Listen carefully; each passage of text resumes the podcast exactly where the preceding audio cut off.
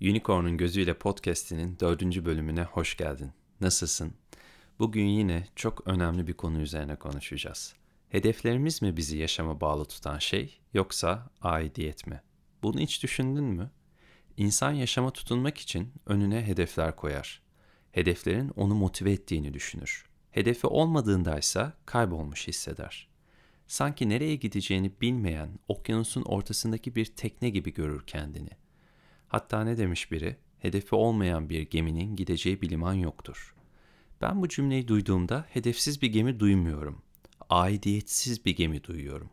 Bir geminin ait olduğu bir liman varsa hedefi olmadığında bile her zaman gidebileceği bir yere sahiptir. Yaşam her daim bir hedefin peşinden yol almak mıdır? Sürekli bir şeylere yol alacaksak, bir hedefe ulaşmaya çalışacaksak ne ara yaşayacağız? Tüm bu koşturmanın içine iki araya bir dereye sığar mı yaşam? İnsanı yaşama bağlı tutan şey aidiyet hissidir. Yani toprak elementidir.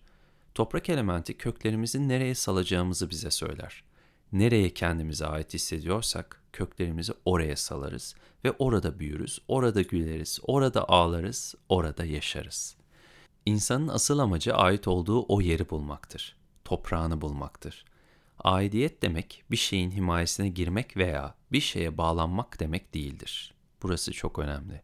Aidiyet bir şeye bağlanmak demek değildir. Aidiyet demek yeşereceğimiz, niteliklerimizi sonuna kadar kullanabileceğimiz yeri bulmak demektir. Bir ağacın yeşereceği toprağa köklerini salması gibidir bu. Yeşermek emek ister. Bazen zorlu bir süreçtir, bazense oldukça eğlenceli. Bu zorluk hiçbir zaman ait olduğumuz yerden kaynaklı değildir. Kabuğumuzdan kaynaklıdır. Kabuğumuz ne kadar sertse onu kırmak için o kadar yaşam bizi zorlar. Bu yolla kendimizi ortaya koymayı öğreniriz. Bu sertlik hiçbir zaman canımızı yakmak veya bizi incitmek için değildir. Bizim içindir. Lakin içinden geçerken beklentilerimizden kaynaklı olarak elbette ki incilebiliriz. Ait olduğumuz yere karşı bir direnç göstermiyorsak, niteliklerimizi kolaylıkla ortaya koyabiliyorsak, orada kendimiz olabiliyorsak, işte o zaman hayat çok keyiflidir. Elinizdeki nitelikleri sonuna kadar kullanabildiğiniz, kendiniz olmaktan memnun olduğunuz bir yer düşünün. İşte saadet budur. Peki madem ait hissettiği yerde insan neden direnç göstersin ki? Birçok sebebi olabilir. Bunlardan biri kişi bu alanda kendi değerini hissedemiyor olabilir. Kendi değerini hissedememesinin hiçbir zaman sebebi başkaları değildir. Kişi kendini başkalarıyla kıyasladığında, niteliklerini iyi bir şekilde kullanamadığında, başarısızlıklarına odaklandığında bir türlü doğru yerdeymiş hissi tam olarak ortaya çıkmaz. Oysa ait olduğumuz yer zaten bunların üzerinde çalıştığımız yerdir. Bir martı yavrusu düşünün. Henüz uçamıyor. Uçma niteliği henüz kullanılamıyor. Her denediğinde ise düşüyor. Şimdi bu yavrunun ailesi uçabiliyor ama kendisi uçamıyor diye ait olduğu yeri terk edip giderse ne olur? Zaten onların yanında ait olduğu bu yerde uçmayı öğrenecek. Etrafındakiler bu yüzden orada.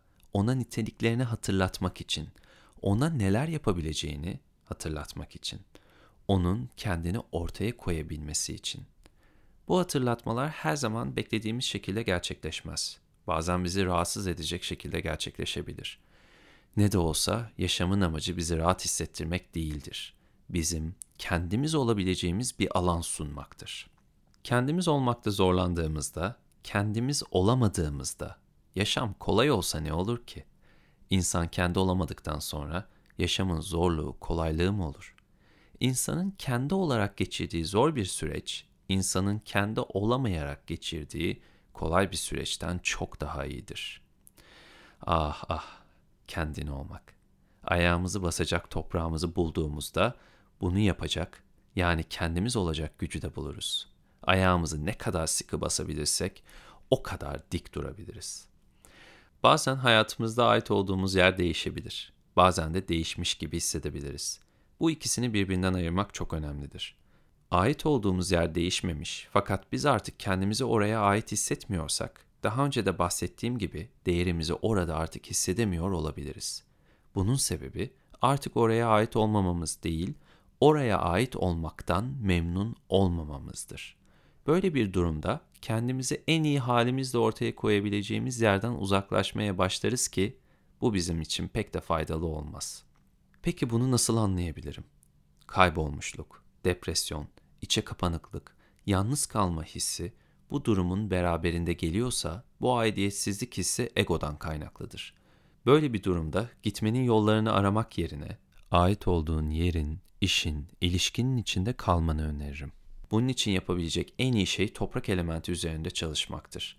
Toprak elementi üzerine çalıştıkça ve toprak elementini dengeledikçe gerçekten ait olup olmadığını içinde hissedeceksin. Toprak elementi dengelendikçe içinde bulunduğumuz yere, ilişkiye veya işe sahip çıkmaya başlarız. Toprak elementi somutla olan ilişkimizi kaliteli hale getirdiği gibi ruh halimizi de gerçekçi bir duruma çeker. Sandıklarımızdan olana hızlıca çekilmeye başlarız. Hayat Sana Ne Anlatıyor kitabımı bu konuları sıkça hatırlamak için bir başucu kitabı olarak yanından ayırma. YouTube'da bulunan Toprak Elementi dersimi de bu tarz dengesizlikleri yaşadığında mutlaka 40 gün boyunca uygula. Bazen hayatımızda ait olduğumuz yer gerçekten değişebilir. Böyle bir durumda da ağaç değiliz ya, kalkıp gidebiliriz. Örneğin artık bir ilişkiye ait değilsen, o ilişkiyi tamamlayarak yoluna devam edebilirsin. Böyle bir durumda az önce bahsettiğim hisler ortaya çıkmaz. Tam tersine özgür ve rahatlamış hissedersin. Tabii ki bu süreçte konfor alanından da çıkıyor olabileceğinden korku ve endişe de açığa çıkabilir.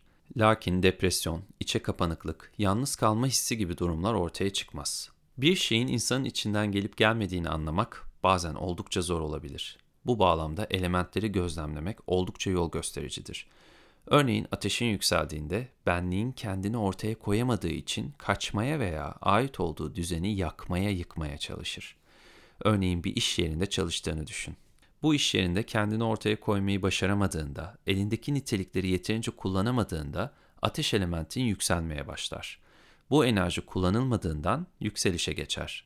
Dönüştürülemediğinde ise bu enerji kişinin artık o işi bırakması gerektiği, o işte hakkının verilmediği, o işte görülmediği, o işte yaptığı kendince onca şeye rağmen hak ettiği yerde olmadığı gibi kendini o işten soğutacak bahaneler üretmeye başlar. Bu bahanelerin üretilmesinin sebebi ateşin değişiklik çabasıdır. Ateş elementi her şey değişsin ister. Düzen değişsin, iş değişsin, eskisi gitsin ve yeni bir şey gelsin ister. Ateş tamir etmeye niyetli bir enerji değildir.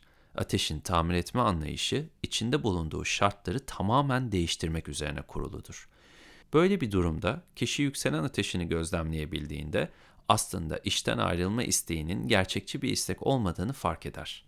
İşten ayrıldığında mutlu olmayacağını, bunun aslında bir kaçış yolu ve belki de kendine ait hissettiği o yeri cezalandırma yolu olduğunu gözlemleyebilir.